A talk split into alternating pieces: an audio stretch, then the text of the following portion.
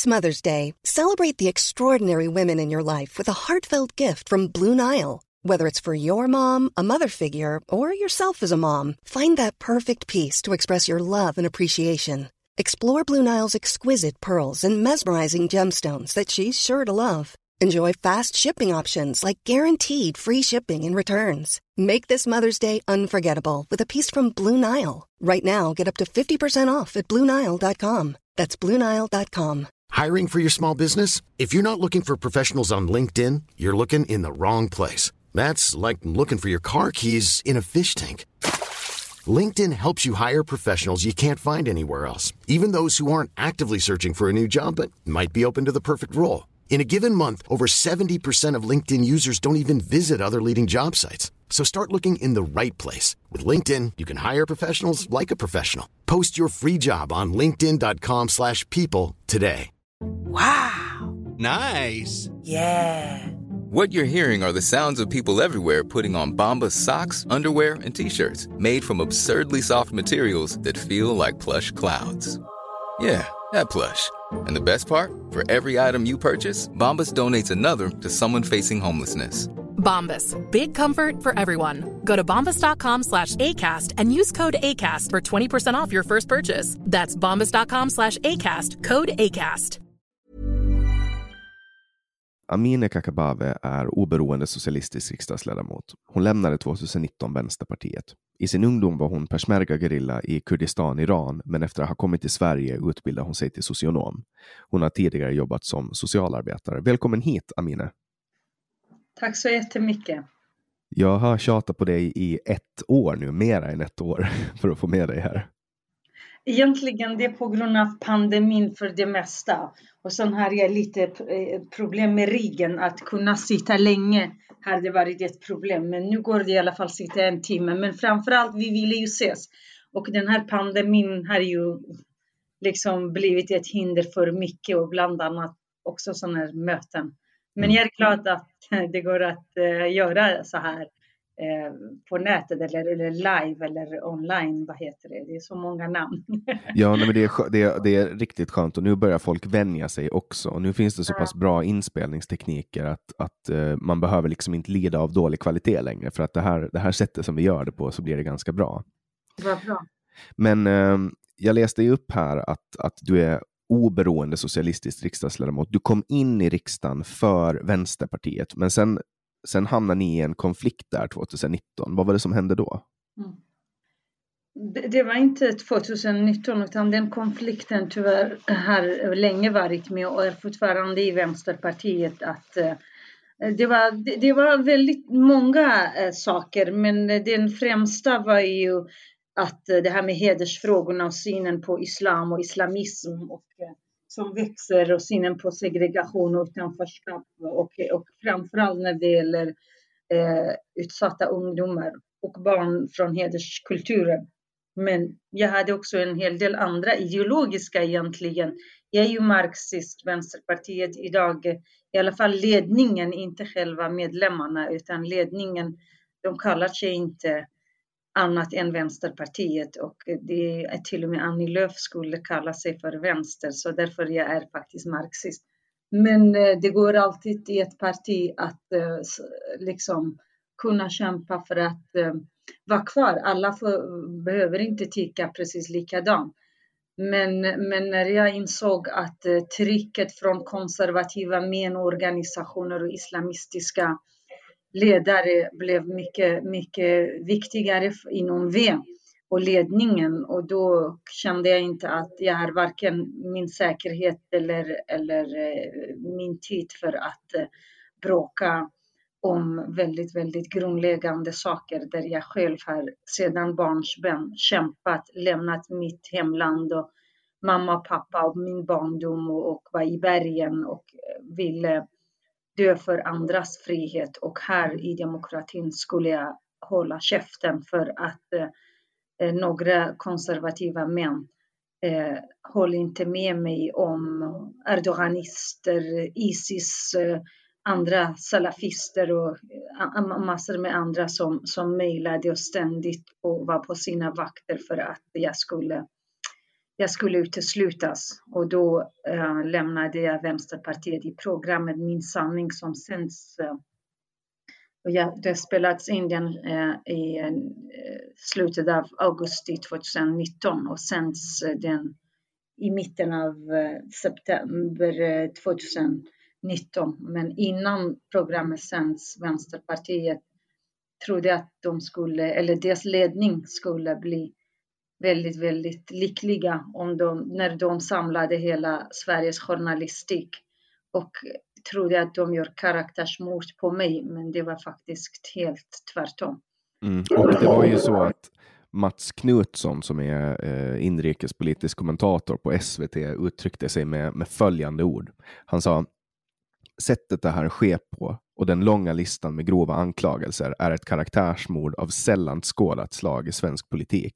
Och det är såklart anmärkningsvärt att partiledningen väljer att så ta heder och ära av en riksdagsledamot som ändå har företrätt partiet under en så lång tid.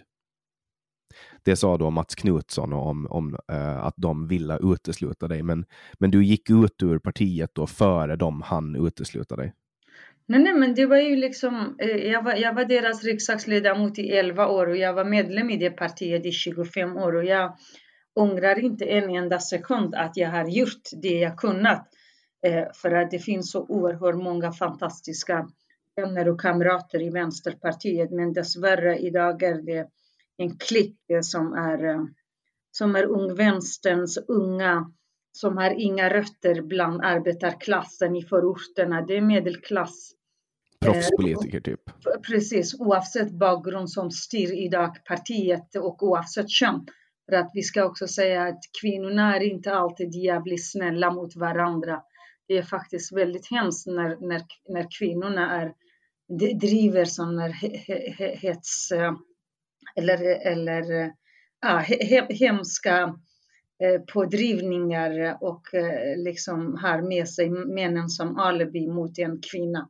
Det är också det som man sällan pratar om eh, häxjakten, kvinnors häxjakt på, på varandra för att det finns massor med avundsjuka och massor med identitetsproblem och annat. Det, det, var, det var väldigt mycket sånt. Mats Knutsson är väldigt, han, han pekar väl på en viktig punkt och det stämmer.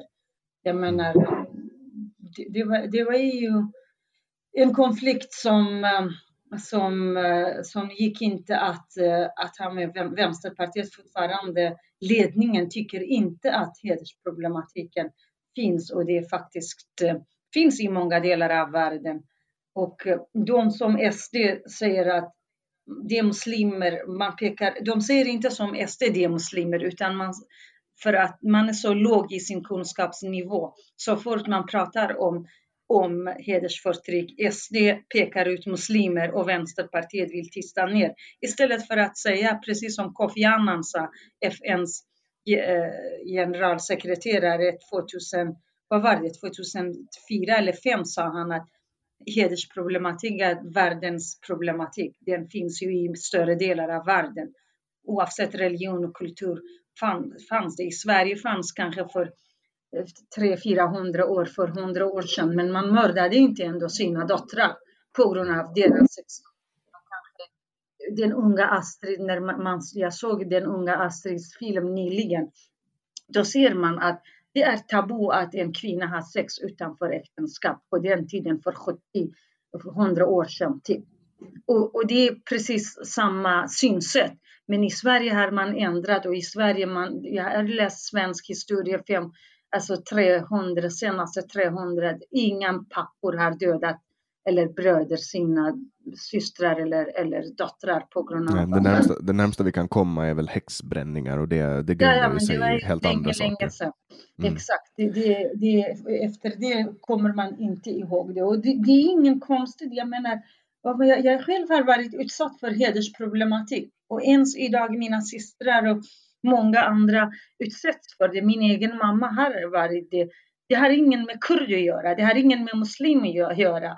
Mina föräldrar är muslimer, men pappa är inte alls utövande muslim, men, eh, eller muslims utövande, religionutövande, men han är inte mindre patriark och mindre eh, hedersförtryckare än, än, än många andra det är ju så att eh, det är kulturellt starkt patriarkala eh, strukturer som sanktioneras av regimer, islamistiska fundamentalistiska regimer i Mellanöstern. De lagarna bygger på hedersnormer, på Daesh normer. Såklart att har man den, är, upp, upp, är man uppvuxen från det synsätt, det är inte konstigt att, att det blir så. Det var inte så när jag var liten. För exempel i Iran och i Mellanöstern, i Egypten, i Afghanistan idag är Taliban Eh, mentaliteten är talibanstyrd fortfarande. Och där var det liksom för 40 år sedan, då var jag fyra år eller 42 år sedan. Det, det, där var det modernt. Iran var en av de modernaste staterna. Det var ju diktatur. Shahen var diktatur, men kvinnorna var fria. I Turkiet fortfarande står det i lagen att man ska inte, barn i, i statliga skolan inte ska bära slöja det är faktiskt eh, väldigt, väldigt eh, pinsamt att socialister och feminist, så kallade feminister här i Sverige, de försvarar någonting som iranska och mellanöstern kvinnor, arabiska kvinnor, turkiska kvinnor har kämpat emot det i decennier. Det som förvånar mig med det här, det är ju att, att inom vänstern eh, brett så tror man ju på det här med identitetspolitik och tolkningsföreträde. Och då bor det ju en alltså med de referensramarna så borde ju en kvinna eh, med utländsk eh, härkomst som har erfarenhet av hedersrelaterat våld och förtryck borde ju kunna få uttala sig om det här utan att klassas som problematisk i vänstersammanhang, tycker man. Ja, ja, men det, det är, det är en ehm, Eh, ett problem som tyvärr eh, idag vänstern brett, inte bara i Sverige, titta på i Tyskland och, och många andra länder eh, har det blivit liksom helt tudelat.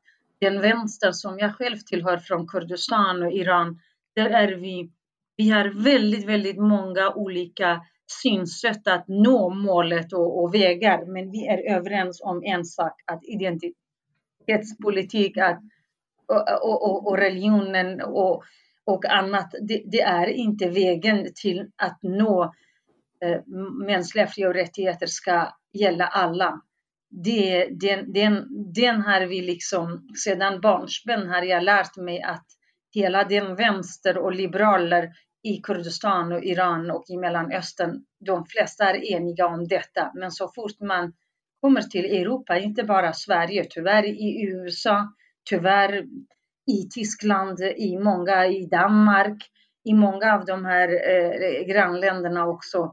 Vänstern har väldigt, väldigt dålig koll på på eh, den eh, analys, en, en marxistisk analys, alltså en analys av omvärlden utifrån ett marxistiskt perspektiv för samhällets förändringar. Och eh, det här med också krig och elände och, och, och allt det här har gjort att folk flyttar ju eller tvingas att flytta till andra länder. Och såklart att kommer man, har man de här tendenserna, finns det religiösa ledare som turkiska staten och Saudiarabien och Qatar och Iran stödjer, som i Sverige till exempel, såklart att det finns alltid eh, de som, som har deras megafon och de samlar ju människor runt omkring sig. Det är inte på grund av att de endast vill tro bara på ett samhälle som de har själv flytt ifrån skapa här, utan det är på grund av att eh, det finns inte alternativ. Det finns inte ett politisk kraft i det här samhället där ger ungdomar, föräldrar annat alternativ än religiösa skolor och privata skolor och segregation. Och den tycker man synd om istället för att man ska lyfta de här människorna. Man tycker på ett visst sätt synd om dem och tycker att nej men vi, ska, vi ska liksom eh, förstärka deras, eh, den här, den här utan, känslan av utanförskap till någonting som, som, eh, i, som liksom eh, lösningen för det. Det är identiteten som är det viktigaste. Eh, och, och, religionen är den viktigaste kärnan i att en människa ska identifiera sig i den kulturen. Så är det inte. Kultur är förändring. Jag, jag var jag var den här Amin som jag var med de här värderingarna i Kurdistan. Därför att vi hade andra möjligheter. Det fanns en, en, en vänsterrörelse som sa att religionen är opium. Ni kan tänka mycket, mycket större än vad religionen ger er.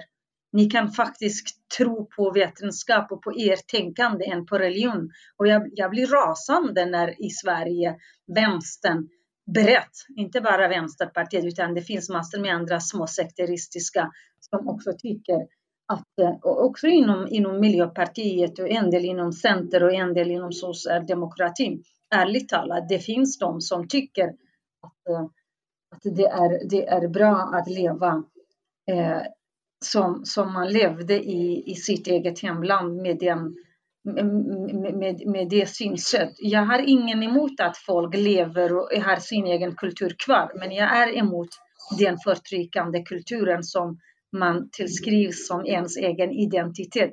Det är så fel. Det mm. ger så fel signaler till, till ungdomar som faktiskt vill vara som alla andra. Jag, jag tycker att det är konstigt att man Eh, och jag vet inte om, om, jag är, om det här är kanske, jag kanske inte har rätt analys av det här, men som jag upplever det så, så vill vänstern i brett i Sverige att kyrkan ska ha väldigt lite att säga till om. Eh, men man är ändå jätte, jätte slår värn om att folk som kommer från andra länder ska få behålla sina religioner och utöva dem eh, som de vill.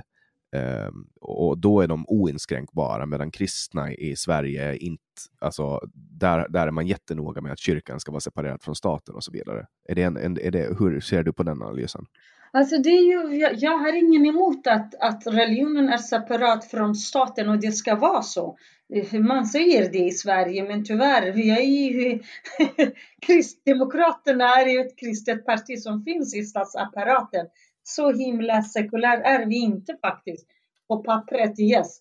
Men fortfarande vi är vi är i kyrkoval där politiker sitter där och så vidare. Det är ju liksom något som det svenska folket måste själv fatta beslut om. Att, men jag själv personligen tycker att det är hyckleri. Jag tycker att inga religioner ska kunna vara en del av staten och inga religioner ska kunna påverka barn. Alla får utöva precis den religion men utanför den offentliga sektorn, utanför, liksom, utanför barnens eh, sfärer, både inom förskola och grundskola upp till när man är 18 år, då kan man faktiskt göra omskärelse, man kan ta på sig Davids stjärna eller, eller, eller slöjan eller vad, vad de vill ha på sig. Det bryr jag mig inte om. Däremot jag bryr väldigt, väldigt mycket om att skattepengar inte ska gå till eh, religiösa skolor. Skolan ska vara en, en frizon.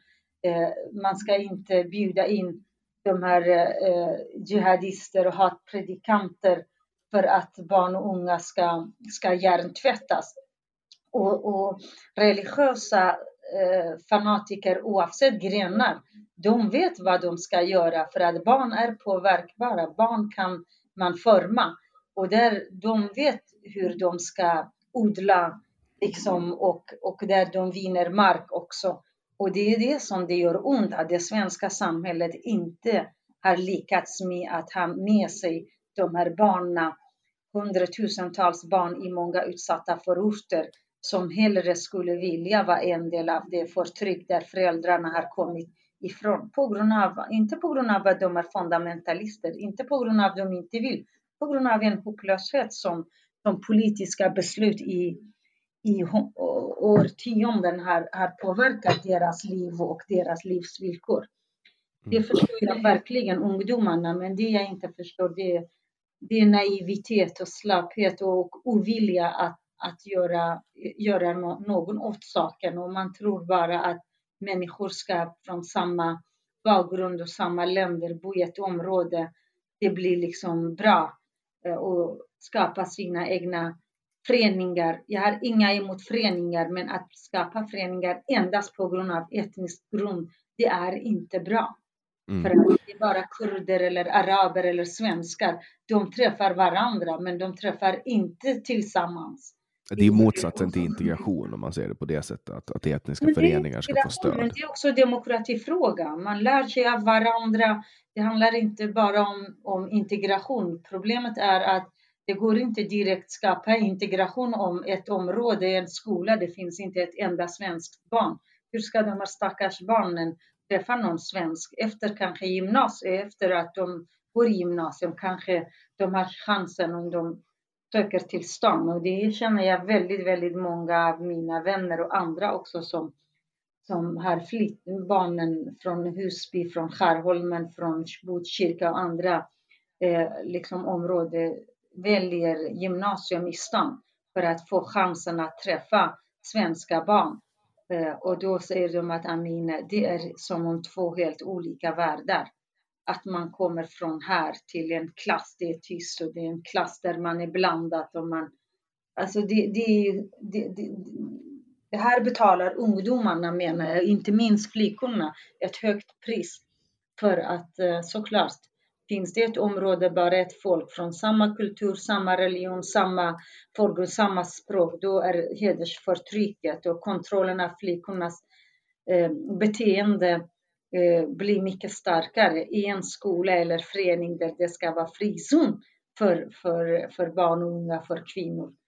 Så det blir liksom en massa moral, moralpoliser som är e, egen bror eller egen kusin eller egen pappa eller en hemspråklärare och det här möter vi i Hederspodden. Vi har en podd i Varken hora eller kuvad, intervjuer olika människor och i den här förortsfeministen.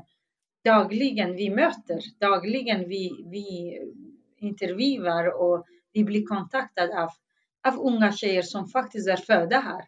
Som är så långt från den svenska feminismen och jämställdheten som du bara kan ana. Det är faktiskt oftast, jag har många vänner i Istanbul och Ankara, de är mer friare där än här i, i tjejerna här i Botkyrka eller olika förorter. Det är det jag en, anledning, en anledning uh, som, som, som jag kan tänka mig att, att bidrar till det, det är ju den här debatten som har pågått med, med slöja och slöjtvång. Och du uttalade dig kritiskt mot det och då blev det ganska många reaktioner. Ja, ja, men slöjan är ju en del av kvinnoförtrycket. Det hela bygger inte bara på slöja. Det finns ju väldigt många kvinnor utan slöja som också är förtryckta. Både judar, hinduer, eh, eh sikher, eh, ortodoxa, kristna från olika delar av världen, eh, till och med i Östeuropa. Eh, det är inte bara slöjan i sig som är ett hederstecken på hederskultur, men såklart att en religion som styr kvinnans beteende och sexualitet, det är mycket mer eh, värre. Och slöja menar jag på barn. Jag, jag har ingen, inga problem med att vuxna kvinnor, man är 18 år, man själv väljer att, att bära slöja, men jag möter tyvärr många vuxna kvinnor som vill ta av slöjan men, men blir eh, helt trakasserade av både klasskompisar, av sina egna släktingar, till och med sina egna barn. Jag känner en 55-årig kvinna i Västsverige, som, eller två stycken egentligen, eh, både från, från forna Sovjet men också från Turkiet. De vill ta av och en från Irak. Hon, hon gick under jorden hon, hon har barnbarn, hon kan inte ta av slöjan. Om man är i sådana miljön i Sverige, då är det ganska farligt. Bara i Irans könsapartheid, slöjan är så i Saudiarabien, inte ens i Turkiet eller i, i andra muslimska länder, men i Sverige som, in, som är ett sekulärt land, där invandrarkvinnor har inte den tryggheten, inte ens de vuxna. Och så ändå säger vi att det är barns rätt, det är föräldrarnas kultur. Nej, om en kultur är förtryckande, det ska vi faktiskt lyfta ifrån barnen. För att slöja på barn innebär att det är, inte, det är inte ett klädplagg, det är ett påbud, det är religiöst påbud. Man jag ser ibland killarna. när jag, när jag går, eh, eller jag bor ganska nära en, en någon form av facilitet då som, som inhuserar anländ, nyanlända i Sverige. Och de har en lekplats och det är ganska ofta när jag kör förbi där som, som jag ser barn i fyra, tre, fyra års åldern som, som leker på lekplatsen i slöja. Och och där tänker jag att där finns det ju knappast en, en fri vilja som har skett. Alltså en fyraåring bestämmer inte själv vad den vill göra. Och det kan jag tänka att det måste kännas lite konstigt för det här barnet att behöva leka med, med den här slöjan för att mm, håller man på och leker i, i en klätterställning eller så och det, det, är inte världens enklaste eh, eh huvudbonad att, att liksom bära om man vill vara fri och, och leka och så. Och på sommaren så, så blir det ju ganska varmt då i synnerhet eh, med att de tenderar att vara svarta och svarta absorber, svart absorberar väldigt mycket värme. Det skulle ju vara annat om, om den var vit och det var något vitt bomullstyg. Då, då skulle det ju på sommaren vara lite lättare, men, men när de ändå har liksom kolsvarta slöjor mitt i sommaren Eh, jag, jag, tycker att det, det, ser inte så roligt ut för barnen om, om man ser det på det sättet. Nej, du har ju helt rätt i, men det, det ska inte, oavsett om den är vitt eller svart, barn ska vara befriat från det. Man kan inte sexuell, sexualisera barns kroppar. Den feministen eller socialisten eller politikern i Sverige eller myndighetsperson som, som gör det, då, mm, det, det, det är faktiskt inget annat än dum i huvudet om någon tycker att det är okej. Okay. Det endast vi vet, jag också bar slöja. Vi inordnar i att vår hår, vår beteende, våra kroppar, det är haram. Det vill säga, den är smutsigt och den ska eh, farligt också är det för att män kan bli attraherade av våra hårstrå och, och när, när de blir attraherade sexuellt då, då kommer de Eh, Eh, bli upphetsade och då, skap, då läggs skulden på flickorna. Så här har man lärt sig från barnsben. Och den, den så kallade feminister som, som vill acceptera det här, för mig, de är inga feminister och inga demokrater heller. Och därför det gör så himla ont. För att de vet ingenting, de fattar ingenting hur, hur hijabens eller, eller slöjans betydelse är i föräldrarnas eller i religionens eller i patriarkens bemärkelse. Den är så mer inrotad än att många naiva tror att det här är bara klädplagg. Åh, du är så fin i detta. Åh, det där är inte tvång. Jag har granne som, som, som bär slöja. Hon är vuxen, det är inga problem. Men jag vet att barnen går utan slöja och de tycker att eh, deras pappa är väldigt viktigt i deras roll också, alltså för, för deras frihet. Och oftast mammorna är också värst, men oftast händer, ibland händer det också att pappor tvingar sina, sina eh, döttrar.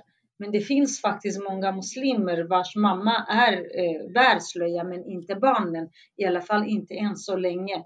Men jag tycker att det är hyckleri, det är hypokrati att se till att säga att eh, nej svenska barn som utsätts för fara, de ska omhändertas, de ska vi prata om. Men när invandrade flick, unga flickor från 4-5 års ålder beslöjas, då tycker man att det är deras religion och kultur. Det är, jag tycker att det ska förbjudas. Jag har sagt i 20 år och jag kommer att driva den här. Jag tycker att alla religiösa tecken i synnerhet slöja för barn ska förbjudas och inga barn under 18 år ska ha någon religiös tecken i någon skola. Och, och då kan man kan ju komma med, med slöjan och stoppa den i skåpet och när hon eller han lämnar ut skolans dörr eh, eller, eller port eller entré, då kan de ta på sig om det är Davidsstjärnan eller det är någonting annat.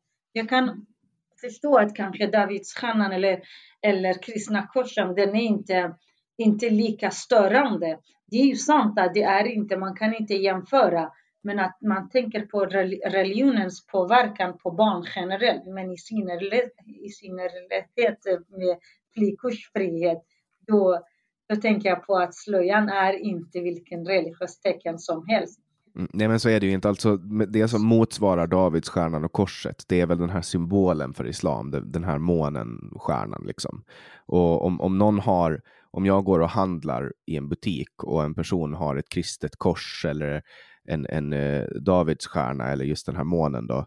Eh, jag, jag tycker inte att det på något sätt, det spelar ingen roll för mig. Alltså jag, jag bryr mig inte om det. Inte om det. observera att jag har sagt att slöja i skolan eller religiösa tecken i skolan och förskolan på barn, barn under 18 år. Det är väldigt, väldigt viktigt att särskilja på det. Eh, I det offentliga rummet bryr jag mig inte om, om mamman tar, skickar sitt barn till skolan med slöja, men denna ska kunna ta av utanför innan hon eller han kommer in om man har någon religiös, synligt religiöst tecken ska man kunna ta av utanför dörren innan man öppnar skolans eller dagis eller fritidsport. Det tycker jag det är en väldigt, väldigt viktig signal. Tycker du man ska inkludera då också alltså just kors, kristna kors? Eh, alla, runt... synliga, alla synliga tycker jag. Alla synliga. Varför barn ska bära synliga sådana i skolan? Det är ju ingen, det är inte det är viktigt. Det är ju läranden och barnen i sig är viktigt. Det är inte att, att liksom jag, jag, vet inte, det blir bara så där i Sverige. I många andra länder där de är muslimer, ingen bryr sig om detta därför att man är inte så naiv som här i Sverige. Därför att man vet vad innebär det att bära slöja. Man vet att barn som är, om man är väldigt, väldigt religiös, väldigt, väldigt religiös konservativt patriarkala familjer, där beslöjar de sina barn. Jag menar barn under 18 år.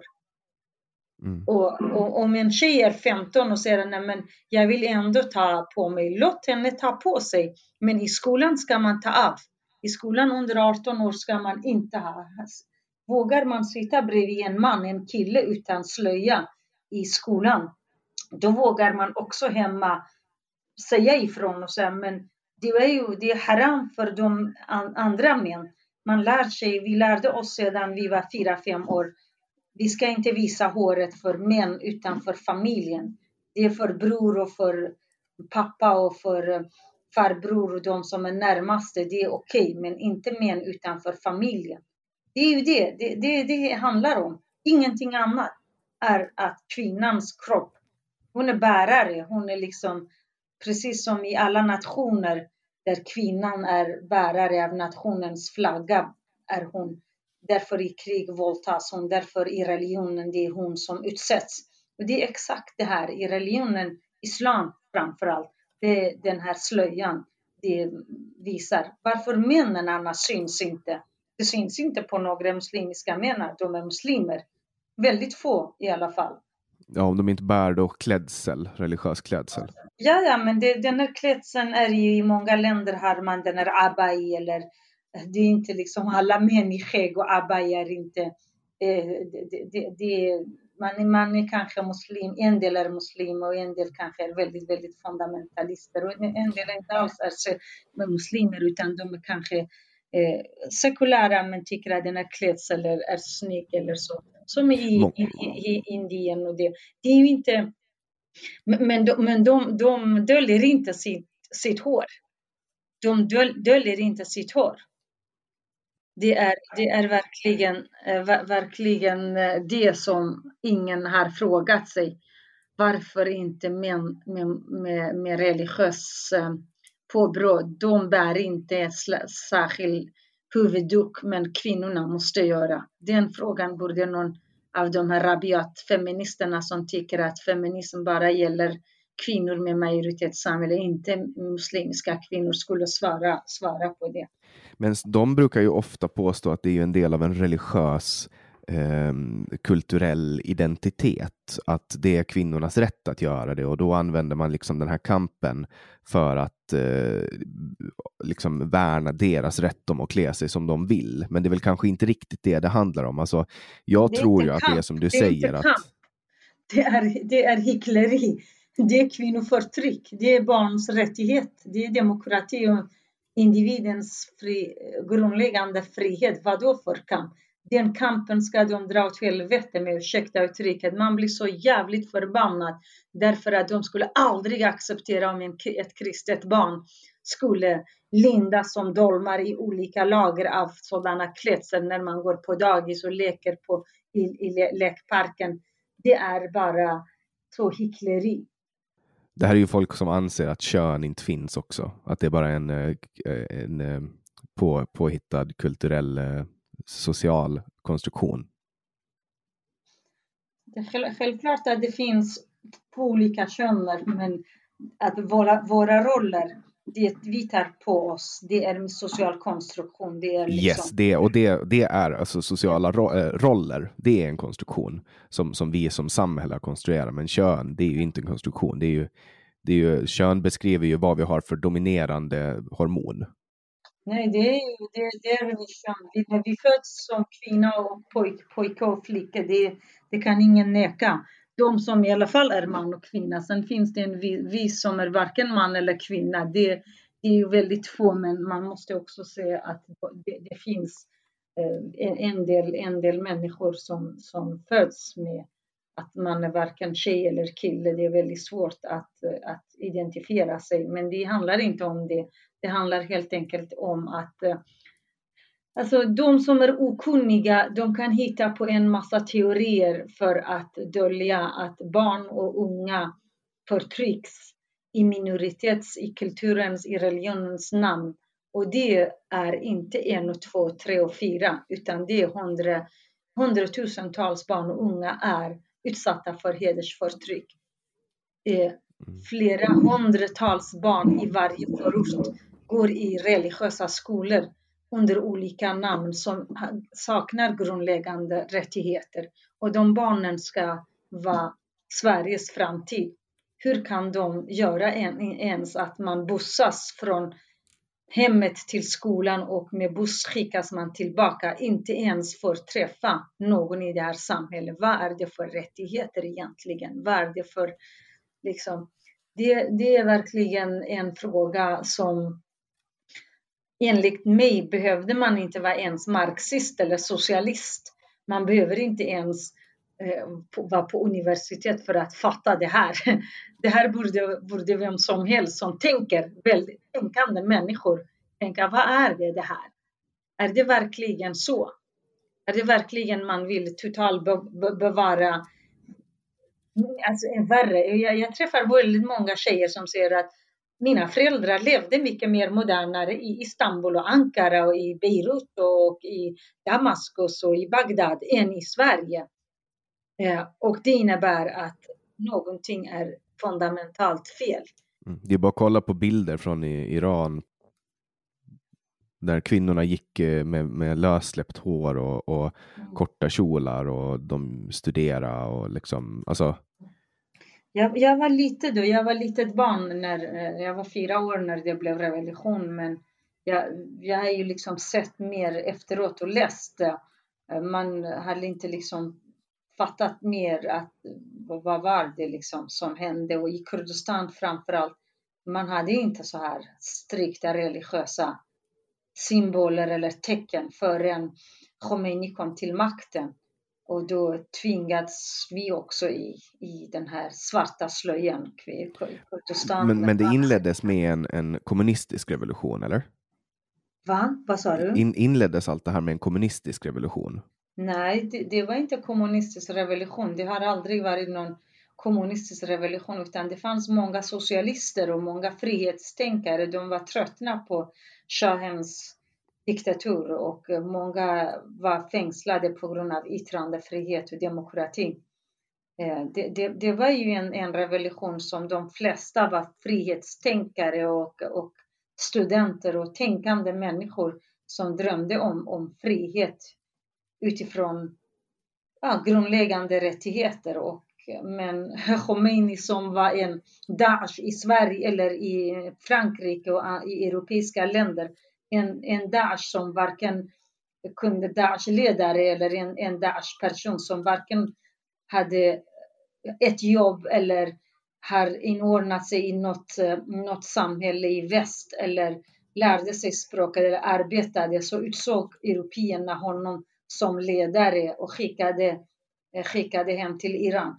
Det säger väldigt mycket om väst, om västs liksom själva eh, hyckleri och deras, deras skuld i, i det här i 42 år. De eh, handskar, eller skakar hand menar jag, med de här blodiga händerna som har diplomatiska relationer och bilaterala avtal och i FN eh, i Iran utsågs eh, nu i kvinnokommissionen som ett hån mot världens alla kvinnor, inte minst iranska kvinnor. Väst har sin egen del i det hela. Det här är bara en del av det som också finns i integration och segregationen i Sverige. Ja, alltså, och också då Olof Palme var ju, var ju också och, och liksom legitimera olika organisationer. Han, han legitimerar ju DDR som stat. Han hade diplomatiska kontakter eller diplomatisk kontakt med Yassir Arafat. Eh, så att man har ju liksom genom diplomati, tyst diplomati, Eh, Eh, eller diplomati då tyst godkänt eh, och på något sätt legitimera de här som när man tar på sig eh, Sveriges feministiska regering tar på sig slöja när de åker till eh, eh, olika länder i Mellanöstern för att fast, fast det då finns ett uttalat diplomatiskt undantag för politiska företrädare att de inte behöver ha på sig slöja så gör de det. Vilket är konst, i, i min värld är det jättekonstigt. Nej, det är inte konstigt när, när affärer går för, för mänskliga rättigheter, det är ju affärskvinnor. Idag politiker mer eller mindre, det är det också högern i Sverige vill. Allt ska vara liksom privat för att politiker ska bara vara förhandlare mellan olika handelsmän. Eh, och, och, och det, det, är ju det som är farligt med hela demokratin, både utrikes och inriks, inrikspolitiken. Det är därför, när, när politiken inte har annat än affärer, man, man skriver olika avtal för näringslivets liksom och, och Sveriges bästa affärer, inte för att man är en röst för mänskliga rättigheter. Tänk om Palme överlevde ändå och att han var liksom, levde för, för samma ideologi som, som sossarna var då, tack vare honom också. Eh, det, det, finns alltid det goda också, som du säger, exempel på det onda det gör väl ingenting om man kommer och eh, sitter och förhandlar med Saudiarabien, med Iran, med Turkiet, med Qatar, Saudiarabien, Afghanistan, Pakistan, inte vet jag, Putin, alla de här diktaturer som finns runt omkring också. Man kan göra det, men det ska man villkora. Handel skulle villkoras med mänskliga rättigheter. Pengar, till exempel inrikspengar, skattepengar till religiösa samfund och till föreningar, det ska villkoras med demokrati. Det skulle vara speciell kod in, införas för varenda skattekrona till varenda land eller inriks. Det ska vara helt enkelt certifikat feminism och barns rättigheter, mänskliga rättigheter och yttrandefrihet och fria ordet. Det borde vara så. I, min, i mitt Sverige, den dagen jag blir, eh, jag får makt att bestämma, det kommer jag absolut villkora. Det tycker jag för första gången helt enkelt jag håller med delar av EU-politiker och, och eh, Biden att man vill villkora all handel med Iran och att sanktioner där mänskliga rättigheter var i centrum. Det borde den svenska regeringen absolut göra det. Absolut borde kvinnors rättigheter vara i centrum. Mm. Och jag vill bara säga det att du har ju makt. Du har ju en 349 dels makt över Sverige. ja, det försöker jag. Det försöker och jag tror också att det uppskattas. Jag måste faktiskt säga det. Varenda minister i riksdagen har jag diskuterat på den tiden. Det var faktiskt Karbil gillade väldigt mycket mina, mina interpellationer eftersom det handlade om Iran och om Turkiet och jag handlade med honom och, och, han gillade och det var också kul att debattera. Jag håller inte med honom i mångt och mycket. Men det var ju kul att han uppskattade. Det var faktiskt många gånger Nyamko Sabuni uppskattade väldigt, väldigt mycket om hedersfrågorna. Det var ju främst jag och hon som första politikerna i riksdagen och regering som lyfte. Hon i regering och jag i riksdagen sedan 13, 13 år tillbaka. Och sen också den här socialdemokratiska eh, vad heter ministrar som jag har och, och miljöpartistministrar, all, alla är väldigt, väldigt tacksamma att de får i alla fall mer kunskaper och, och att de tycker att frågorna är viktiga. Men att man inte gör någonting radikalt, det är beklämmande. Men jag menar på att på den nivån, på det motstånd jag har liksom mött av Vänsterpartistens eh, riksdagsgrupp och ledning den är verkligen inte från höger och vänster. Jag är ju samarbetar i princip i många konstellationer i Irans mänskliga rättigheter, kvinnors rättigheter, hedersnätverket, om Syrien, mänskliga rättigheter, Latinamerika, mänskliga rättigheter. Där jag samarbetar med moderat, med centerpartister, med socialdemokrater, med liberaler.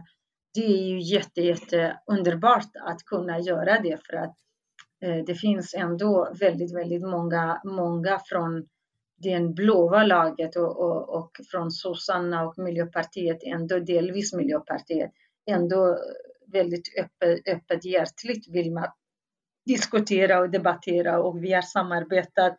Och det har inte varit absolut någon ifrågasättande om jag skulle fråga någon i Moderaterna eller någon i Liberalerna i S eller, eller i Center eller, eller till och med i KD där Desiree Petrus var med och vi samarbetade. Nu finns det också an, andra Gudrun som är med i vårt nätverk. Bara för att nämna mest konservativa är SD och, och, eh, och sen är det KD, men ändå vi har kunnat i sakfrågor samarbeta. Så det, det, finns många som tänker också som jag, men såklart att tillhör man ett parti så är det partipiskan som gäller. Och det, det, det är väldigt sällan eh, eh, det var, det var, en gång i tiden den här Sigrid som, som var i Liberalernas riksdagsledamot och eh, det brukar Arne Rut lyfta den frågan och han brukar lyfta henne på den tiden och, och jag som har vågat stå upp. Det tycker jag att man ska kunna göra det för att man är ju inte diplomat i sitt eget land, man är folkvald och det innebär att man ska såklart att alltid bara den partiets liksom, normer och regler. För att när jag var i Vänsterpartiet, jag verkligen bar vänsterns partiprogram. Det, det de stod för, men att det finns en klick som är karriärister inte tänker på det utan på sina egna karriärer, det var en sak. Men jag fattar att man måste ändå jobba inom partiets ramar. Men att som socialist stå upp för alla lika värde, det borde inte vara konstigt. Men idag är det mer normalt att vara liberal eh, och, och att stå upp för sekularism eh, till exempel, än att vara socialist i Sveriges riksdag eller som vänsterpartist och stå upp för det. Det är det som, som, som det gör så ont i själen att eh, helt plötsligt det ena laget ska stå upp för för, för de rättighetsbärare, där är det barn och, och kvinnor och, eh, och, unga flickor. Men också man har lämnat helt stor vakuum för SD att bedriva rent eh, etniskt diskriminerande, eh, oftast i deras debatt och retorik. Eh, och därför att man, andra har struntat i Andra har struntat i hedersfrågorna, i slöja, i debatten, i, i allt detta. Ingen säger heller att nej, men SD är inte emot någonting som är kristet, även om det är förtryckande. Man är emot för att det är muslimiskt. Där måste man vara väldigt, väldigt tydlig. Här handlar det om alla barn, oavsett om man är kristen eller muslim eller hindu eller jude med judisk bakgrund eller sekulär. Man, man måste liksom ha den här distinktionen och kunna också särskilja på det de, deras retorik och de andra partier och ledamöter som genuint eh, själv har kämpat eller sett i sitt kommunalt arbete eller, eller har adoptiva barn eller, eller har någon ingifte i sin egen familj. Ett exempel är, är eh, Per Westerberg, före detta talman och eh, och eh, moderat. Och eh, han, han, är, han har gått i bräschen tillsammans med oss i Varken hora eller kuvad och i det där nätverket mot hedersförtryck och för alla barn och kvinnors lika värde. Han har varit den enda politiker vad jag vet. Han följde med mig och några till i, i nätverket. Vi var i Stormoskén i Rinkeby och där han sa, vad är kvinnorna? Och han var helt fascinerande. Enligt mig är han den enda politikern på den nivån i, i egenskap av ta, talman och att, att, att kunna ställa den frågan och kunna säga att varför, varför era kvinnor måste lindas i det svarta? Varför ska de inte kunna bara bära en turban? Man hör ju ofta alltså Sverigedemokrater prata om, om hedersförtryck och hedersrelaterat våld.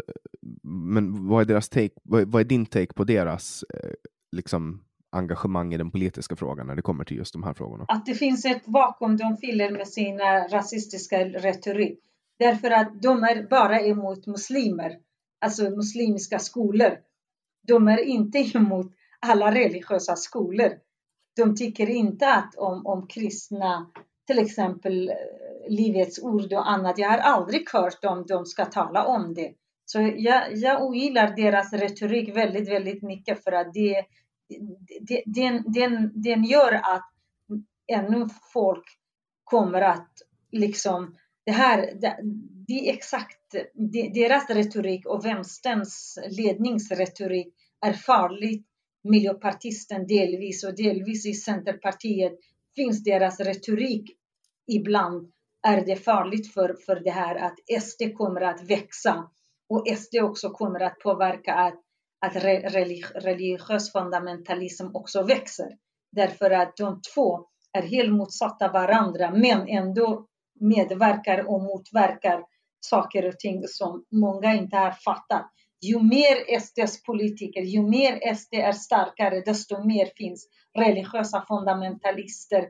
Det kommer att finnas religiösa skolor, ännu mer slöja, ännu mer liksom att, att eh, slöja upprop och debattupprop. Det, om SD hade inte funnits i riksdagen, det, jag, tycker, jag tycker inte det skulle vara på detta sätt som nu jag tror, jag, jag tror allvarligt talat, jag skulle vilja tro att den här debatten var helt annorlunda. Sen SD kom in och då blev det laget som skulle stå upp för mänskliga rättigheter, de blev tystare och tystare och tystare och tystare. Och då fick SD mer och mer utrymme för att säga det som är tyvärr ibland också en verklighet. Det kan man inte eh, sticka eh, huvudet under stolen eller, eller, eller blunda för, eh, för, för det här eh, problemet som finns, att det finns segregation och utanförskap. Och, Eh, Sverige har mest IS-kvinnor e och män som har återvänt också och ingen ställs inför rätta. Och de går runt eh, återvända i Göteborg och andra områden och de tvingar andras barn komma till religiösa skolor om de inte gör som de säger, de kommer att få konsekvenser. Såklart att allt det här, det här gör, gör SD ännu större och ännu mer aggressivare i sitt sätt. Och det, det är ju det att det finns inte en politik som, som på vänsterkanten som står upp där man kan skilja på, ja, det är inte SD som står upp för invandrarkvinnor eller svenska kvinnors rättigheter, allvarligt talat. Hitta någon feministisk i deras, vare sig för vita kvinnor eller för invandrarkvinnor. Det är bara en retorik som är, som är oftast farligt också. Det, det är kontraproduktivt på många olika sätt. En genomsyrad debatt om det här. Så fort ena öppnar munnen, den andra måste stänga för att det blir liksom farligt att prata om detta. Istället att bemöta SD och säga, ja visst, det finns problem, det är ju helt sant, men vad är era lösningar? Att, att slänga alla människor ute. Det finns ändå svenska män som slår sina kvinnor. Det gör det många SD-are också. Till och med Åkessons eh, före detta fru, eller vad var det, det, det, blev ju en, en, en släktfight där hans svärmor, det var ju på grund av kvinnomisshandel, eller han i metoo kom det fram att till och med sådana anklagelser eh, i, inom, inom SD. Det var inte invandrade män, det var ju svenska män i deras egen, eh, från deras egen led.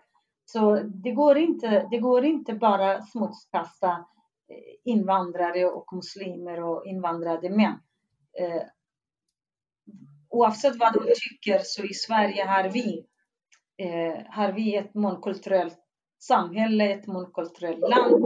Och frågan är hur ska vi hantera, hur ska vi se till att de här människorna ska, och de här barnen ska få samma utbildning, samma mänskliga fri och rättigheter. Vi kan inte hissa ag mot varandra. Det går inte.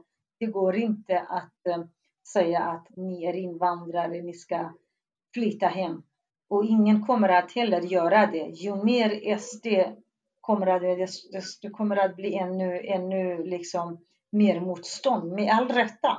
Såklart att eh, jag blir också rasande när, när han i tv-rutan säger att kvinnomisshandel är importerad.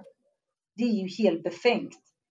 Eh, jag, jag, jag, jag, säger inte om hedersfrågan. Frågan om hedersfrågan, det är sant att det finns människor från andra delar av världen. De har tagit med sig den här kulturen som Sverige har bekämpat, men det finns kvar bara i de här kristna sektskolorna delvis.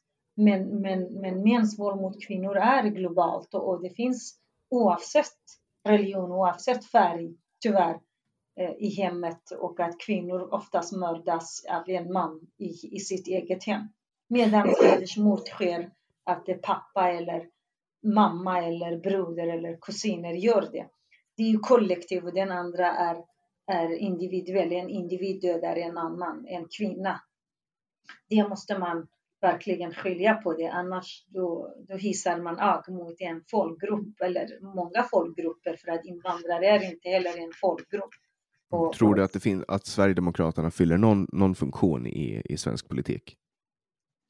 Nej, jag, jag tycker inte utifrån mina värderingar. De, de, de, de är ju en väldigt skada för Sverige och för, för hela den här demokratin såklart på grund av att eh, det, det, det, finns, det finns ingenting som kontentan av deras. Det, det, är inte bra, men däremot har andra partier liksom vasat och det är till exempel mer Moderaterna och KD anpassar sin kriminalpolitik och migrationspolitik och delvis eh, nu kanske Liberalerna delvis, jag säger inte allt, till, till SD för att eh, och SD kommer inte bli mindre för det för att svenska folket fattar de kommer ändå säga att nej, men om alla tycker som SD så kommer vi ändå rösta fram SD. Det finns det, den risken också. Jag säger inte att det behöver vara så, men, men det, det, det finns det. det. det. är ju liksom väldigt eh, mycket eh, så har blivit som orsak och verkan. Det man kan använda filosofin här.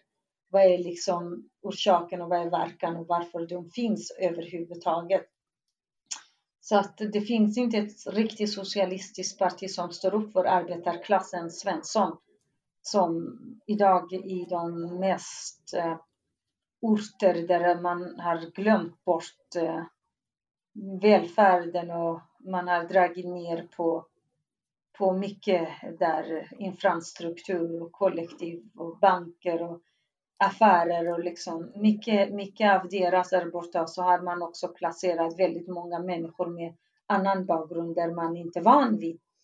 Plötsligt liksom strukturen och, och, och, och eh, befolkningen eh, omvandlas. För många blir en chock. Eh, alla som chockeras av det, de är inte rasister. Det är bara människor som som inte har träffat dem. det skulle hända även i Kurdistan eller i Iran eller i något annat land om många svenskar kom eller europeer, då skulle man ändå kunna vara orolig. Och såklart att människor som, har, som är oroliga och som är missnöjda, ja, SD har blivit ett missnöjesparti för dem. Fast SDs retorik är inte ett missnöjesparti utan de går ju helt enkelt på ras och de tycker att, att muslimer och invandrare det, det är ju det som är faran i det här. Eh, de är inte vilket borgerligt parti som helst. De är faktiskt, de står inte upp för, för mycket som, som, som de andra borgerliga partierna åtminstone står för. Även om jag inte håller med ekonomisk politik med många av dem, men man kan aldrig jämföra Annie Lööf eller Kristersson eller Eh, med, med, med, med Åkessons retorik, inte Åkesson som person. Uppfattar du det som att de menar att eh, muslimer är en ras? Nej, jag tror inte de menar. I så fall det vore väldigt hemskt. För att eh, bland muslimer finns det... För mig det finns inte någon ras. För mig människor är en, ett folk. Man har olika kulturer och olika religioner. Men, men då är det väldigt, väldigt farligt om man skulle tro att människor, eh, mot bara man är muslim. Bland muslimer finns ju, det finns ju 1,2, mer än 1,2 miljarder muslimer i världen. Och de är ju alltifrån pakistanier, afghanier, iranier, araber, kurder, persier, eh, all, aleviter delvis här också, jättemånga här. Det, det, är liksom så mycket, så mycket in, det är ungurer, det är liksom, det, det finns ju ända till Kina. ja, ja, det finns jättemånga. Men det jag tänker att, att, att vara misstänksam mot, mot um, islam, det, är väl, det brukar ju vissa kalla då för, för islamofobi. Ja, jag tror att de har det. Det, det, det tror jag faktiskt det ligger någonting i, i, i deras, där man, man har den här fobin för, för, för det, för att i allt återkommande kommer islam. Eh, man kan förstå att varför vissa, vissa gånger islam blir mer, mer, mer eh, liksom, blir samhällets diskussion på grund av att Daesh och alla kallar sig ju från islam. Det, det är ju det också. Men man ska akta sig för att eh, det finns miljarder muslimer som tror på, på en, en, en religion som heter islam och det kan man inte förneka och då blir det ren rasism om du förnekar alla de här människorna sin egen tro. Men sen finns det inom islam tyvärr, det finns eh, massor med eh, hemska människor som tolkar hemska ideologier som har gjort islam till en ren ideologi och, och, och, och styr olika länder och olika stater. Diskuterar man det är ju helt annan sak än att smutskasta eh, miljard människor. Eh, man måste helt enkelt kunna diskutera också religionen, precis som inom kristendomen finns fundamentalistiska grenar. Eh, och till och med i Sverige har vi liksom massor med, med, med sekt, sekter som kallar sig kristna. Då behöver man inte smutskasta hela, alla kristna människor i Sverige och i världen för det. Så, mm. så länge man inte gör, gör en bra analys, då hamnar man igen där. Eh, jag menar, det är ju fruktansvärt. Jag, jag själv tillhör en familj och liksom hela min släkt. 99 procent skulle kalla sig för muslim, men kanske 10 procent av hela min släkt, det kanske är flera hundratals, för att jag har massor med kusiner och kusinsbarn och har haft eh, sex, sju fastrar och tre farbröder och eh, ja, massor med morbröder och all, annat. Det, det är liksom, alla skulle kalla sig Ave, vad, vad är det för bakgrund och religion? Då skulle de säga muslimer, men, men väldigt få av dem praktiserar islam. Eh, men, men då skulle de verkligen tycka illa om Amina skulle säga någonting mot deras religion, ehm, deras tro. Ehm, men att man pratar om islam eller, eller andra religioner som ideologi där man styr människan, där man styr ett land, där man styr ett, liksom, i islams namn, man, man begår olika brott mot mänskliga rättigheter. Man ska diskutera det med människor, även med muslimer och icke-muslimer. Och där kan man också diskutera andra religioner. Titta på bara forna Jugoslavien och, och, och, på Irland. Och vi har haft moderna krig, krig i modern tid här, här i Europa på grund också av eh, kristna fundamentalistiska idéer som helt plötsligt blir liksom Eh, lyfts som, som fanan i kriget eh, för att eh, åstadkomma helt andra saker det, det är det som är ett problem. Man är så fattig på analys av, av andra religionsförtryck också. Och då blir det som SD, att islam blir det liksom eh, den eh, främsta fienden som, och det går hemma tyvärr hos en del, därför att många eldar på vad man än pratar om, då blir det liksom muslimer.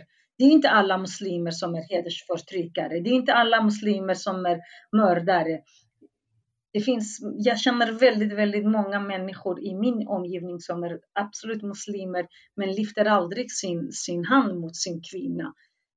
Det, det måste man helt enkelt inse det, annars det blir farligt.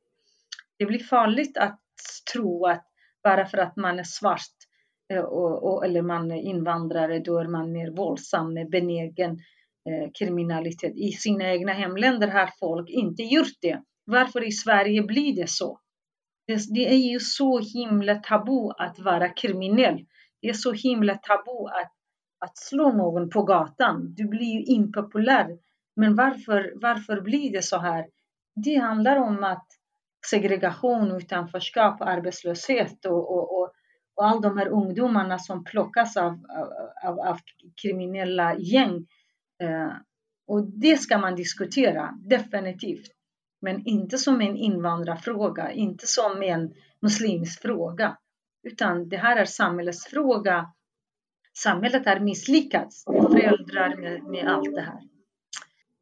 Du var med och startade en organisation eller en förening som heter Varken Hora eller Kuvad. Du kan väl berätta lite om den? Ja, Varken Hora eller Kuvad är en um, antirasistisk och feministisk gräsrotsrörelse som har uh, rötterna från Frankrike av Niput Nisumis eh, och uh, startas av Fadela Amara uh, som själv har rötterna från Nordafrika och hon var liten när hon och hennes familj kom till Frankrike och då hade de bott i ett um, utsatt område i Paris förorter och um, hon uh, också var aktiv i antirasistiska och, och uh, andra rörelser och, och, hon insåg väldigt tidigt att hur uh, invandrare eller människor som är från andra delar av världen som är bosatta i de utsatta områdena har inte samma möjligheter till eh, ah, samhällets olika demokratiska rättigheter, framförallt inte kvinnorna och flickorna i förorterna. Och då eh, hon också insåg att hedersförtrycket var väldigt omfattande. Islamistisk fundamentalism av olika slag eh, hade väldigt, väldigt stor makt eh, och eh, det var killarna som, som var normen och tjejerna var tillbakadragande och någon tjej som uppträdde annorlunda eh, så skulle den kallas för olika epitet och eh, att eh, blev utsatt för killarnas våld. Och det hela började med att eh, 2003 mördats en ung 17-åring av sin före detta kille och eh, kusiner och många andra eh, ungdomar deltog. Att de mördade henne och så brände de hennes kropp i soptunna för att hon var en av dem som var avvek och hon inte passade i deras normsystem.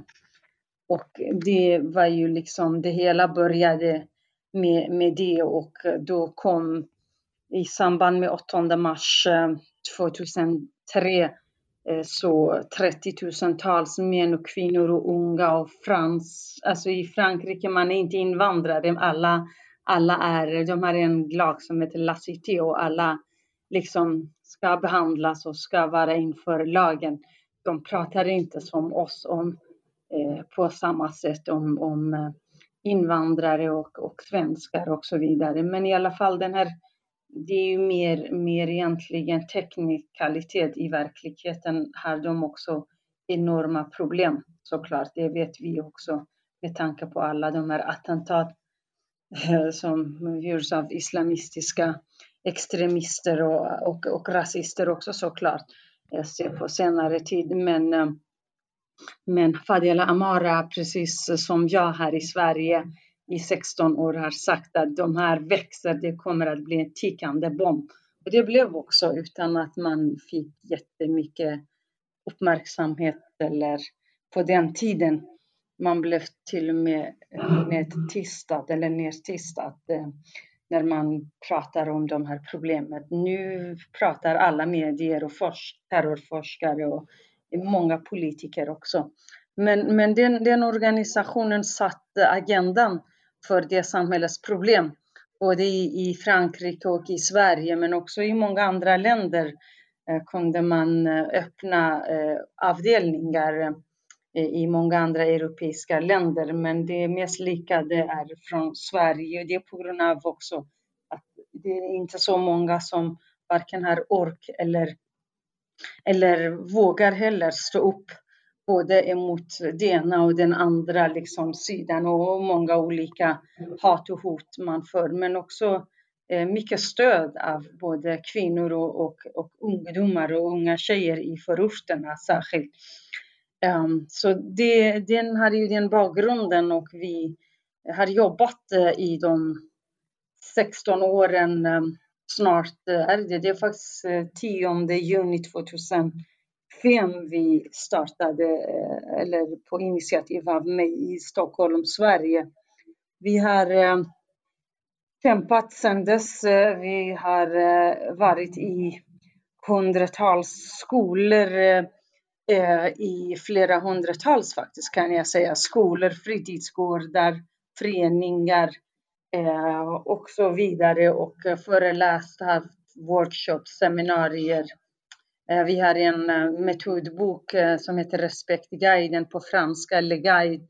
Och vi har tre gånger här, senaste gången var i början av 2020, förra året, att vi kom med ny upplaga av Respektguiden för att den är ganska populär och det är en metodbok som både ungdomar, föräldrar, personer som kommer i kontakt med målgruppen kan använda. Eh, både handlar om hedersförtryck, om respekt, om mäns våld, men också ungdomar som har en dialog med sig själv om vad, vad, vad, vad ska man göra, vad ens bästa skulle kunna vara. Handlar det då om att, um, att få folk att sluta hålla på med hedersförtryck uh, och hedersrelaterat våld, eller är det mera typ att man ska få fast dem som gör det? Nej, nej, nej, det handlar om alla delar. Det handlar om att dels att vara medveten vad hedersförtryck är. De som är infödda i hedersförtryck, man är inte så mycket medveten om det. Man tror att det här är normalt. Jag, jag träffar varje dag unga tjejer, men också killar som, som tror att bara för att man är från en viss kultur eller ett visst land man måste leva det här livet och de tror inte det här är ett hedersförtryck. Att till exempel tjejen inte får göra som, som sin bror fast hon är äldre. Att man kan inte komma ut, och man kan inte dansa, man kan inte eh, gå på gympan, man kan inte sporta, man kan inte ha kompisar, man kan inte ha den klädsel man vill.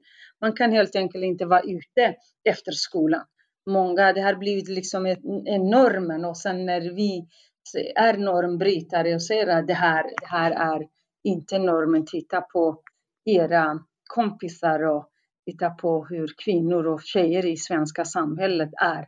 Eh, att, eh, jag menar, vi ser inte allt är så himla bra. Vi, kommer, vi har aldrig pratat om att flickor ska ha sex när de är under 15 år. Sådana det är ju inte det, det är individens egna, egna beslut när man är vuxen och enligt lagen också. Men många gånger barn gifts bort, eller här förut i alla fall, eh, innan de här lagarna kom till. Jag känner väldigt många som var gifta när de var nio år eller bortlovad. Oj, gud, här i Sverige eller? Ja, ja, i Sverige, 12 år. Men, eh, och då, då, då är man liksom, då brukar jag säga att det här är våldtäkt. Det här är ingen bröllop, inget bröllops liksom ceremoni eller bröllopsnatt. Det är våldtäktsnatt eh, eh, ni har liksom gått igenom. Det är inte så. För att många ser att det svenska samhället är amoralistiskt. Alltså man är ju inte, har ingen moral för att man har sexfri och allt. Så brukar jag säga att bättre att, att ha, liksom, vara ärlig med sig själv än att bli bortgift. Eh, det är föräldrarna oftast eh, säger. En del i alla fall tycker det och, fortfarande många tycker det. Hade de haft möjlighet, de skulle absolut bestämma över varandra av sina egna barn. Då brukar jag säga att men vad, vad är det som är bra? Att gifta bort 13, 12, 14-åringar. Det finns ju, det här är lag i många länder, i Iran, i Saudiarabien, i många länder, i Afghanistan, i Pakistan. Flickor ska giftas bort från 12 års ålder. Ibland är det helt skriven lag, ibland är det helt oskrivna lagar som finns. Jag menar, bara förra året, eller 2019, i Iran registrerats 16 000 eh, flickor mellan 12 och 14 år som har blivit eh, alltså, bortgifta. Mm. Och de här länderna så ska vi respektera när våra statsråd åker dit genom att ta på sig eh, slöja? Mm, nej, nej, men det handlar inte bara om slöjan, det handlar om grundläggande rättigheter. Många är irriterade, det är sant att det här slöja eh, uppropet och naiva svenska politiker och, och, och andra som tycker att eh, de eh, ska sätta på sig. De, det pratade vi förra gången.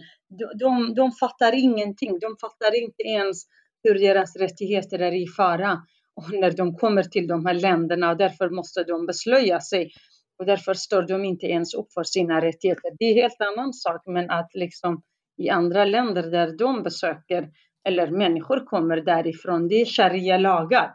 Det är sharia-system. Även om det är inte uttryckligen så tycker de inte i Pakistan och Afghanistan och hela arabmiraterna i Iran, snart i Irak och Turkiet. Jafarilagen innan Daesh kom i ah, Irak, det var ju att man skulle, eh, vad heter enligt lag, flickor ska giftas bort från nio års ålder. Den tog jag upp i Sveriges riksdag flera gånger innan Daesh kom eh, om, om vad Sverige skulle kunna göra för att hindra Jafarilagen i, i Turkiet ändrade man lagen att man kan ha sex med barn. Eh, I, den här finns, det här är ingen liksom jag eller du eller någon annan påstår. Det här finns. Och det här normsystemet vi bekämpar, vi vill att ungdomar ska vara medvetna om att det där är inte okej. Okay. Det här är inte några rättigheter.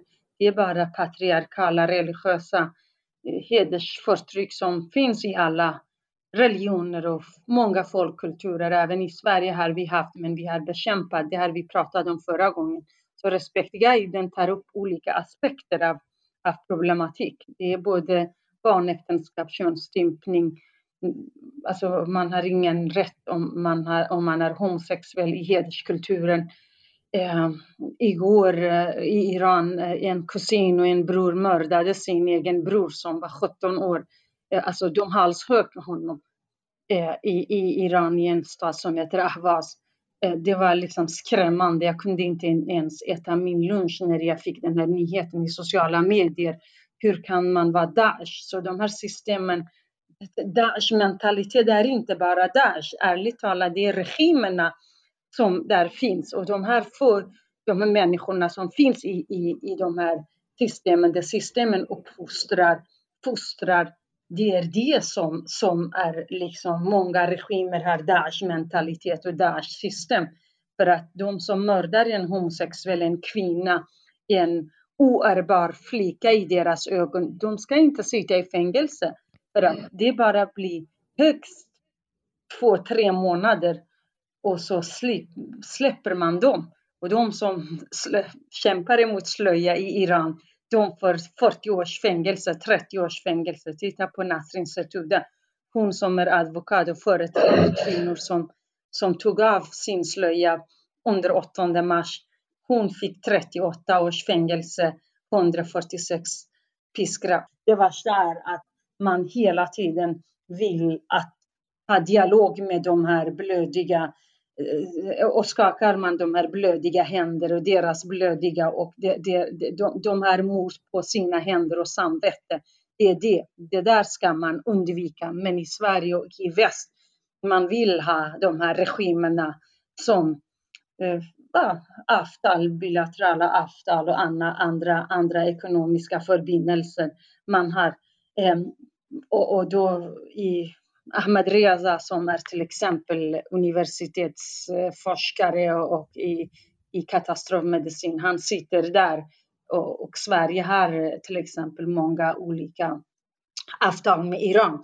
En, Iran skickar ju en massa spioner för att både inom forskning och säkerhet och allt. Och Sverige är en av de här eh, länderna som, som är väldigt, väldigt bra föremål för Irans spioneri på olika vårdsystem. Och där, där, där fattar de ingenting. De bara tror att på det här goda, naiva, bara vi har affärer, allt är okej. Okay. Egentligen, det här var ju liksom helt utanför Respektguiden, men i alla fall Respektguiden pratar om individens fri och rättigheter. Och, och den, den har vi om vi går tillbaka till, till varken hora eller kuvad. Men självklart att eftersom rörelsen är en internationell rörelse, vi tar ställning för kvinnor från hela världen, bland annat Iran, Turkiet. Vi har också en förortsfeminist, en magasin, en tidning som vi har gett ut eh, fem, fem nummer. Den finns både på nätet och vi också ger ut den. Och, och det har vi också intervjuat flera kvinnor, både internationellt. De bor i Sverige, de har flytt sina hemländer från Turkiet, från Iran, från Saudiarabien, Afghanistan och så vidare som är utsatta, har varit utsatta där, kämpar här. Inte lätt alltid, men, men i alla fall de är, vi, vi lyfter deras röst. Vi har också gjort två omfattande undersökningar när, när vi blev attackerade, särskilt från vänster, naiva feminister och, och, och politiker eh, under 2014, 15, 16 där när, när jag pratade om fundamentalism växer i förorterna. Eh, och då tyckte de att jag var riktigt spridare. Både jag och Zaleha Dagli skrev varsin eh, debattartiklar i Expressen och i Aftonbladet om hur fundamentalismen kontrollerar och, och att också moralpoliser behöver inte bara vara fundamentalister, det behöver vara faktiskt vanliga killar och män som, som vaktar sina systrar och kusiner och annat. Då blev jag attackerad och, och då sa man att eh, eh jag var riktig spridare. Då gick vi 2016 och 17 till ungdomarna i förorterna, förortens olika skolor i både i Stockholm och motsvarande i Göteborg. 1200 i Göteborg, 1100 i Stockholm. Och då pratade vi Alltså, de svarade själv. Vi pratade också med 50-tal eller 55-tal unga vuxna i, i, i själva rapporten, kartläggningen om hur, hur är det att vara ung och växa i en familj eller en förort där hedersförtrycken är omfattande, där moralpoliser och där kontroll och religiöst förtryck finns. Och där har vi fått eh, i de här eh, undersökningarna eh, drastiska hemska resultat eh, på grund av att eh, många tjejer har inte ens eh, privata, sitt privatliv. Mer än 80 procent av både Stockholm och Göteborgs flickor svarar att deras privatliv är totalt begränsade och kontrollerade. De har inte makt över sina egna liv. Och då är det väldigt, väldigt allvarligt att det här handlade om barn från 12 till 18 år. Och då bevisade vi att här, här är det ungdomarna, det är inte, vi sprider inte rykten utan politikerna är handlingsförlamade. Politikerna som är, lever skilt från många förorter. De, eh, deras barn går inte i samma skola, de, de bor inte i samma område. Även om de är, bor i samma område, de bor i villa. Deras barn går inte i samma skolor. Så självklart att de bryr sig inte så mycket om det och det är bara skönt för en massa politiker som tror på allvar att eh, det, det gör ingenting om samhället har dragit isär. Det kommer att ordna sig. Det är inte så. Nu, nu ser vi resultaten av, av segregationen, bostadssegregationen, etnisk segregation. Det har blivit kriminalitet, kriminal, kriminella gäng och unga, väldigt, väldigt rätt unga, åtta från nioåringar befattas med det här. Jag var socialarbetare för 20 år sedan i Botkyrka. Jag började liksom se att åttaåringar bar kniv, inte för att mörda någon, de, för att det var ju van, van att man, man, man hemifrån visste inte att bära kniv med sig, det är farligt i Sverige man gick med i olika, alltså de här äldre killarna använde de här yngre killarna för narkotika och, och eh, stölder och snatteri och allt det här. Som socialarbetare jobbade jag med de här unga killar. Oftast var det mycket killar, killar i kriminalitet och tjejer hedersutsatta. Och det där såg man inte, det här orsak och verkan. Och fortfarande pratar man om samma saker att det är brist hit och dit och det är samarbete hit och dit. Men, men fortfarande man har inte kommit till rätta med någonting. Det blir bara värre och värre. Därför att samhället är inte i takt. Alltså de som jobbar med människorna, de har inte kunskaper om de samhällsproblem, eller de vill inte heller ha. Och det finns inte heller på universitet. På universitetet man pratar om ett samhälle i Sverige som varit för 50 år sedan, 30 år sedan, 20 år sedan. Men i det här samhället, universiteten också oftast är så långt ifrån den verklighet man lever i. Och det, det är det som är grundproblematiken. Många lärare, advokater, politiker, inte vet jag, socialarbetare, pedagoger, de fattar oftast, eller de kanske fattar, men de har inte någon utveckling eller studier i sina skolgång om hur i realiteten eh, samhället har sett ut och familjerna och, och, och så vidare. Den, de här frågorna. Hur upplever du att regeringen jobbar med de här frågorna då när det kommer till hedersrelaterat våld och förtryck? När flickor, när flickor inte har samma rättigheter som pojkar, när de inte, eh, när, när många, det är inte bara att man mördas, även om det finns ungefär eh, statistik för två år sedan. Det var ju tio hedersmord som skedde. Varje år skedde ett antal hedersmord, men, men den betecknas inte som hedersmord. Men om vi säger att, alltså, att du ska vara minister och, och, ha, ha kontroll över det här arbetet, vad ska du göra då för, för att arbeta med det här? Eh, det var liksom från varken hora eller kuva till minister. Jag vill, jag eh, eh, vill prata om den här problematiken. För det första, en minister kan inte göra någonting. Om du är i en regering, hela regeringen måste fatta. En minister, du måste är, är, du, är du socialminister, justitieminister, är du demokratiminister, är du skolminister, kulturminister? Jämställdhetsminister. Alla måste jobba tillsammans. Alla måste ha samma bild av samma problem. I Sverige, politiker jobbar på sina egna öar. Du får inte prata om det här för att jag gör det. Det är ju alltid så. Man indoktrineras från partierna i grunden att man ska bara prata om en enda fråga och en enda portfölj. That's enough. För att om man inte har ett samarbete och synkar hur situationen ser ut. Om man är utbildningsminister har att göra mycket med jämställdhet, med kultur, med demokrati. Tvärtom när det gäller också likadant för, för andra ministrar. I en minister, en enda portfölj kommer ingen göra någon nytta om hela, hela regeringen och hela politiska systemet är inte med. I Sverige är också det är en kamp, vad heter konkurrens om vem är bäst på, på vilka områden. Regeringen men, säger ju så att nu ska vi ta krafttag mot det här, men, men jag upplever inte att de gör det. Upplever du att de tar de här krafttagen som de säger att de ska göra? Jag tror inte att varken de eller Moderaterna eller något annat parti, varenda av dem har eh, svikit ungdomarna. Varenda regering och varenda minister och varenda politiker från höger till vänster, de har svikit. Eh, Morgan Johansson kan man säga att han är ju en minister som har åstadkommit med mest lagstiftningar mot, mot hedersförtryck. Men hedersförtrycket har inte minskat för det. För att man har ju de andra problem, som jag sa, om eh, utbildning, hemmavärderingar. Liksom, det är mycket man, om, om man bara pratar om det, det tar ju i timmar och tusentals sidor att, att beskriva hur, hur problematiken hänger ihop med både analfabetism, arbetslöshet, skolan, skolgång, arbete, föräldrar, SFI, integration.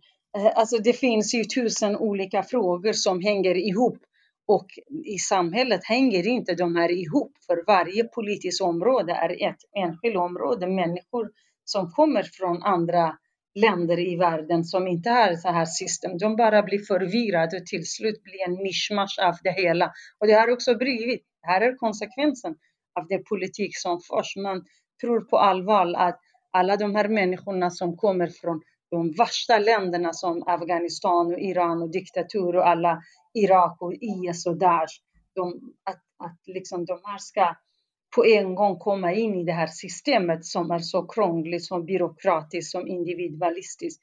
Det är inte heller lätt för många. Jag, jag försvarar ingen, eh, liksom man ska följa svensk lag och allt det här, men det är bara vackra ord. i verkligheten stämmer inte. Därför att det finns ingen där ute som ställer sådana krav. Förutom politiker i talarstolen. Eller Mm. någon, någon artikel i de här ledarsidorna. Jag kan garantera att det inte finns 3% av de människor i förorterna som, som läser en enda svensk tidning. Möjligtvis deras ungar som går i skolan. Inte en enda. Jag har, jag har själv vänner som absolut är inte analfabeter eller så, men väldigt, väldigt sällan. Man läser ju föräldrarna, de vuxna är engagerade i hemlandets eh, utveckling, vad som händer där. Och jag vet också varför. Man har sin familj där. Jag, har också, jag bryr mig också om det. Men, men har man barn och har man liksom annat, då måste man ha helt an, annan föräldrarutbildning och normsystem för att instruera hur, hur, hur, man, hur är det att vara förälder i det här landet. Liksom. Och man pratar dag ut och dag in i åratal om samarbete och samverkan. Och det är alltid det som är grundproblematiken, tror de. För att många har väldigt ringa kunskaper om, om själva problematiken. Då lägger man skulden hellre på varandra än att faktiskt någon ska ta tag i det här problemet. Polisen på socialen, socialen på politiker, politiker på, på liksom skolan. Det, det, det är väldigt, väldigt, eh, väldigt märklig situation. I Sverige är det väldigt också undantag för att vi är ju den värsta individualistiska landet. Alla ska klara sig själv och alla ska ha kommit hit. Man måste vara liksom, det går inte, alla kan inte klara sig. Alla vet inte, många svenskar vet inte heller hur systemet fungerar. Så vi, varken Hora eller kuvad, håller på att både bilda och utbilda, opinionsbilda och informera både vuxna kvinnor. Jag har en kurs för föräldrar i Järva och, och i Skärholmen och, och många gånger och vi träffas och, och diskuterar de här olika sakerna. De har ju bott mellan 7 och 30 år i Sverige. Det, det är väldigt nytt. Att de, de har inte lärt sig, de har inte kunnat prata med svenskar eller umgås med svenskar för att lära sig. De har inte haft en bra skolgång. Vi har tusentals kvinnor och män och eh, unga vuxna som är analfabeter, de som har kommit äldre efter 20 år, eller de som varit här och blivit bort, bortgifta. Idag är de 35 eller 40. De ärligt talat knappt kan skriva sina namn. Det finns tusentals och det har jag faktiskt skrivit en interpellation på fredag. Jag ska debattera nästa fredag med utbildningsministern vad, vad Sverige ska göra för alla de här unga som är från föräldrar eh, från hem där det är analfabetism som råder. Om vi ska prata lite svensk politik då. Nu håller ju eh, höger, gamla alliansblocket exklusive Centern på att flörta med eh, Sverigedemokraterna och det är ju inte helt osannolikt att det blir en regering med Moderaterna, Liberalerna, Kristdemokraterna och Sverigedemokraterna på något eh, sätt. Vad tänker du om, om den utvecklingen?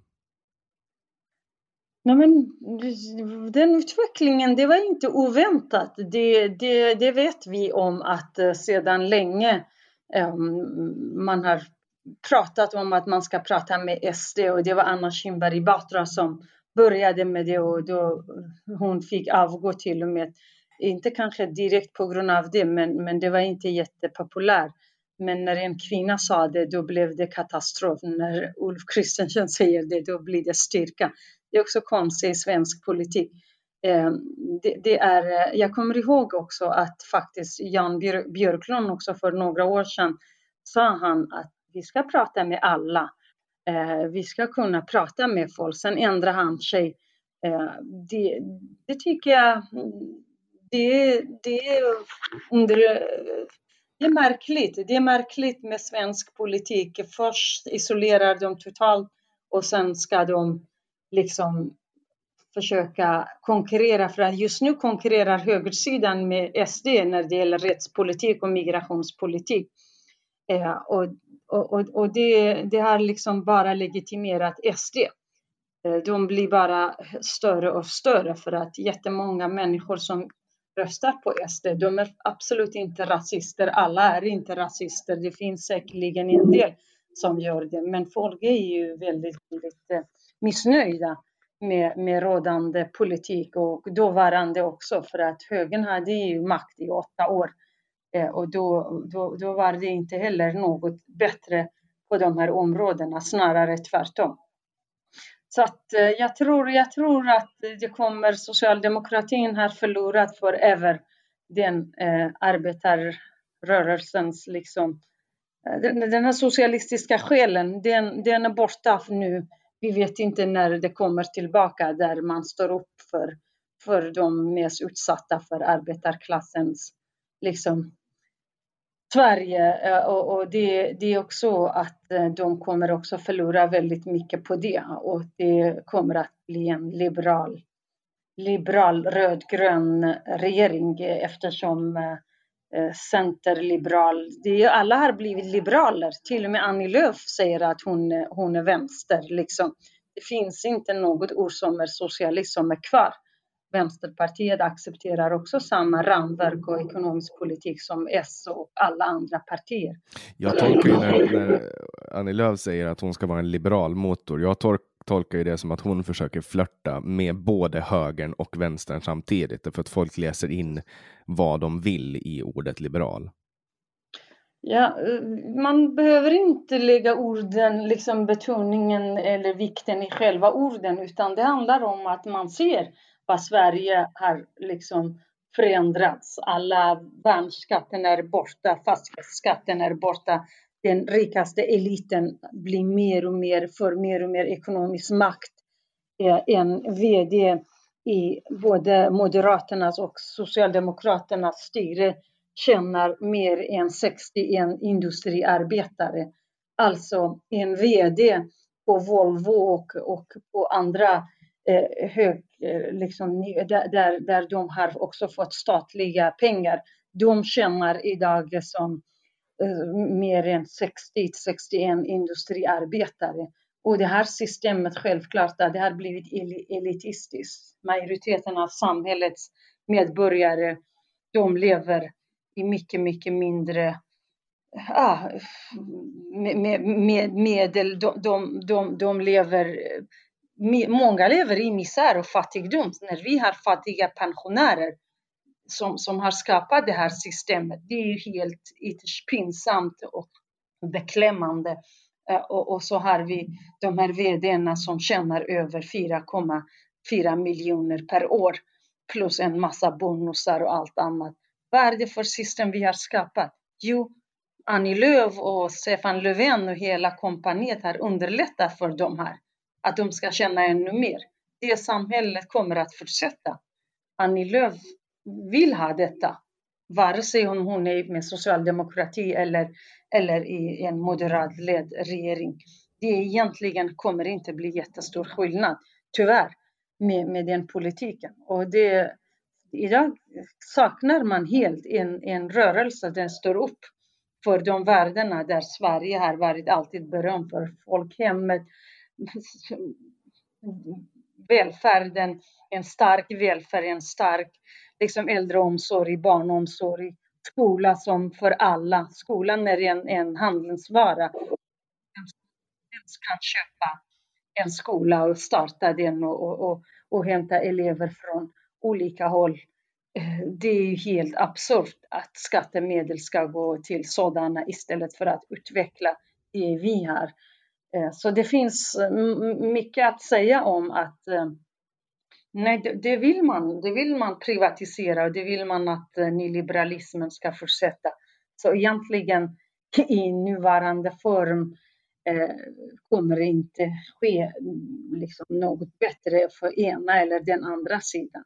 Vänster har också, Nooshi Dadgostar har sagt att hon öppnar sina dörrfönster för Annie Lööf Det innebär att Vänsterpartiet är inte ett dugg bättre på att stå upp för de värden de, de vill nu och säger i sina motioner och annat. Men, men när man vill sitta i en regering med Annie Lööf och liberaler och centerpartister och, då kommer, och, och miljöpartister, då kommer man inte bli någon, någon liksom, annorlunda, bedriva någon annorlunda politik än, än de andra.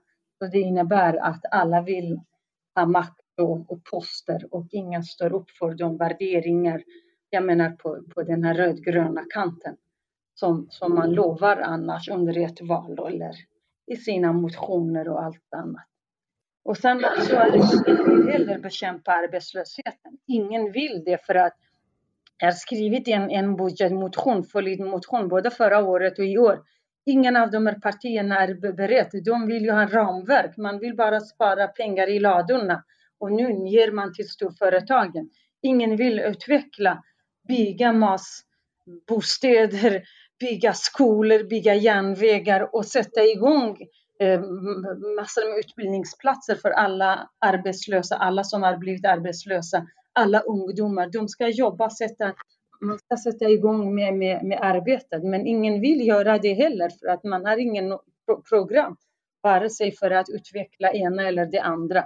Så det innebär att det, det är ju i, i sådana här samhälle, i sådana här fall så kommer bara höger att stärkas, tyvärr.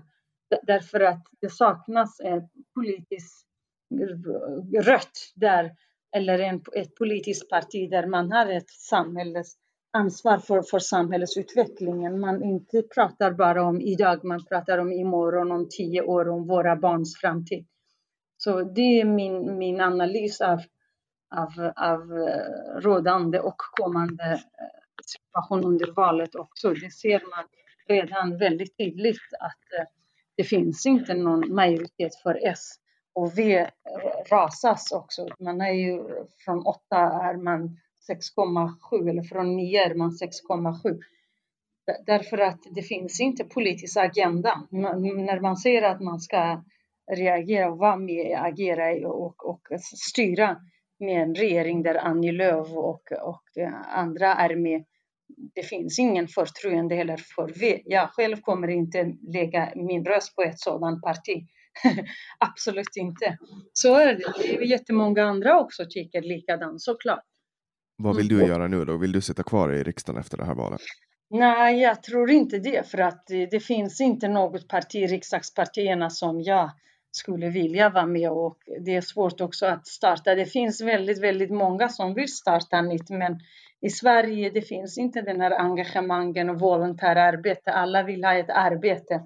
Politiken är ju byggd på detta, så systemet i Sverige är inte ett system där folk kan engagera sig i samhällsutvecklingen som det var från 80-70-talet fram till i början av 90-talet med nyliberalismen.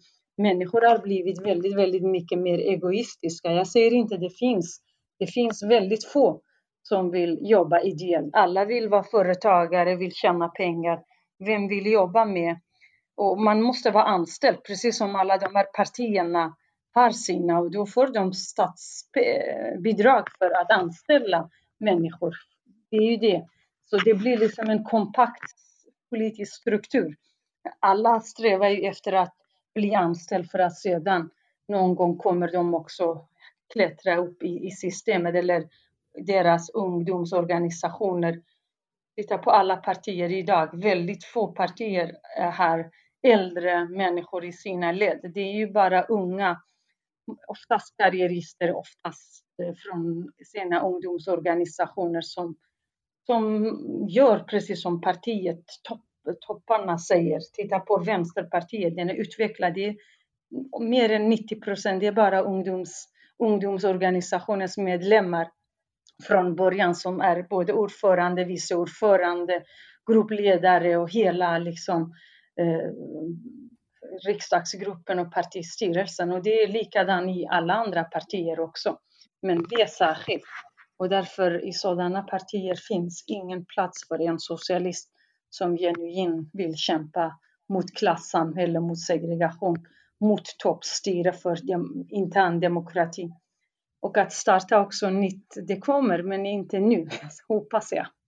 Så därför blir det inte någon riksdagsplats och det är jag inte heller jätte, jättesugen på i det här politiska systemet. Man vill ju påverka mer, men att vara röst för kvinnor och unga och de utsatta, det är ju tråkigt för att det kommer inte någon annan ledamot våga utmana på samma sätt, tyvärr.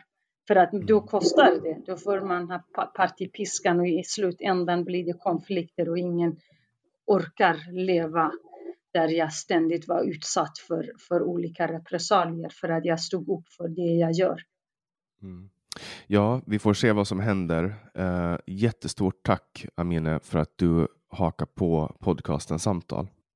Absolut. Jag tänker också på, på slutet om det går att säga, vi i Varken hora eller kuvat har en kurs i hedersproblematik i samarbete med Viskadalens folkhögskolan i Borås. Och den, den kursen kör vi nu femte gången, femte året i, eh, i tillsammans med, med dem och det handlar om hedersförtryck. Och det är väldigt populärt och, och hoppas att folk vill eh, anmäla sig också och det är helt gratis eh, kurs. Vi bara ställer upp helt eh, ideellt för att utbilda människor i de här frågorna vi pratade om framför allt. Och det här kan man hitta på hemsidan information? Vi på vår hemsida, på Viskadalens hemsida i våra sociala medier. Man kan också gärna eh, boka oss för föreläsningar och annat i, i olika ämnen i hedersproblematiken framför allt. Så både skolor och myndigheter, vi, vi ställer upp för alla och vill ge mer information och kunskaper om de frågorna. Perfekt. Tusen tack Amine för att du kom med i podcasten Samtal och tack till er som har lyssnat på dagens samtal.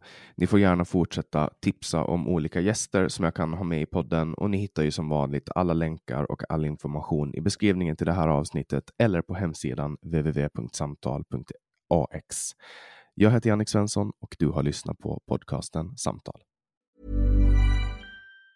Mom deserves the best and there's no better place to shop for Mother's Day than Whole Foods Market. They're your destination for unbeatable savings, from premium gifts to show-stopping flowers and irresistible desserts. Start by saving 33% with Prime on all body care and candles. Then get a 15-stem bunch of tulips for just $9.99 each with Prime. Round out Mom's menu with festive rosé, irresistible berry chantilly cake, and more special treats. Come celebrate Mother's Day at Whole Foods Market.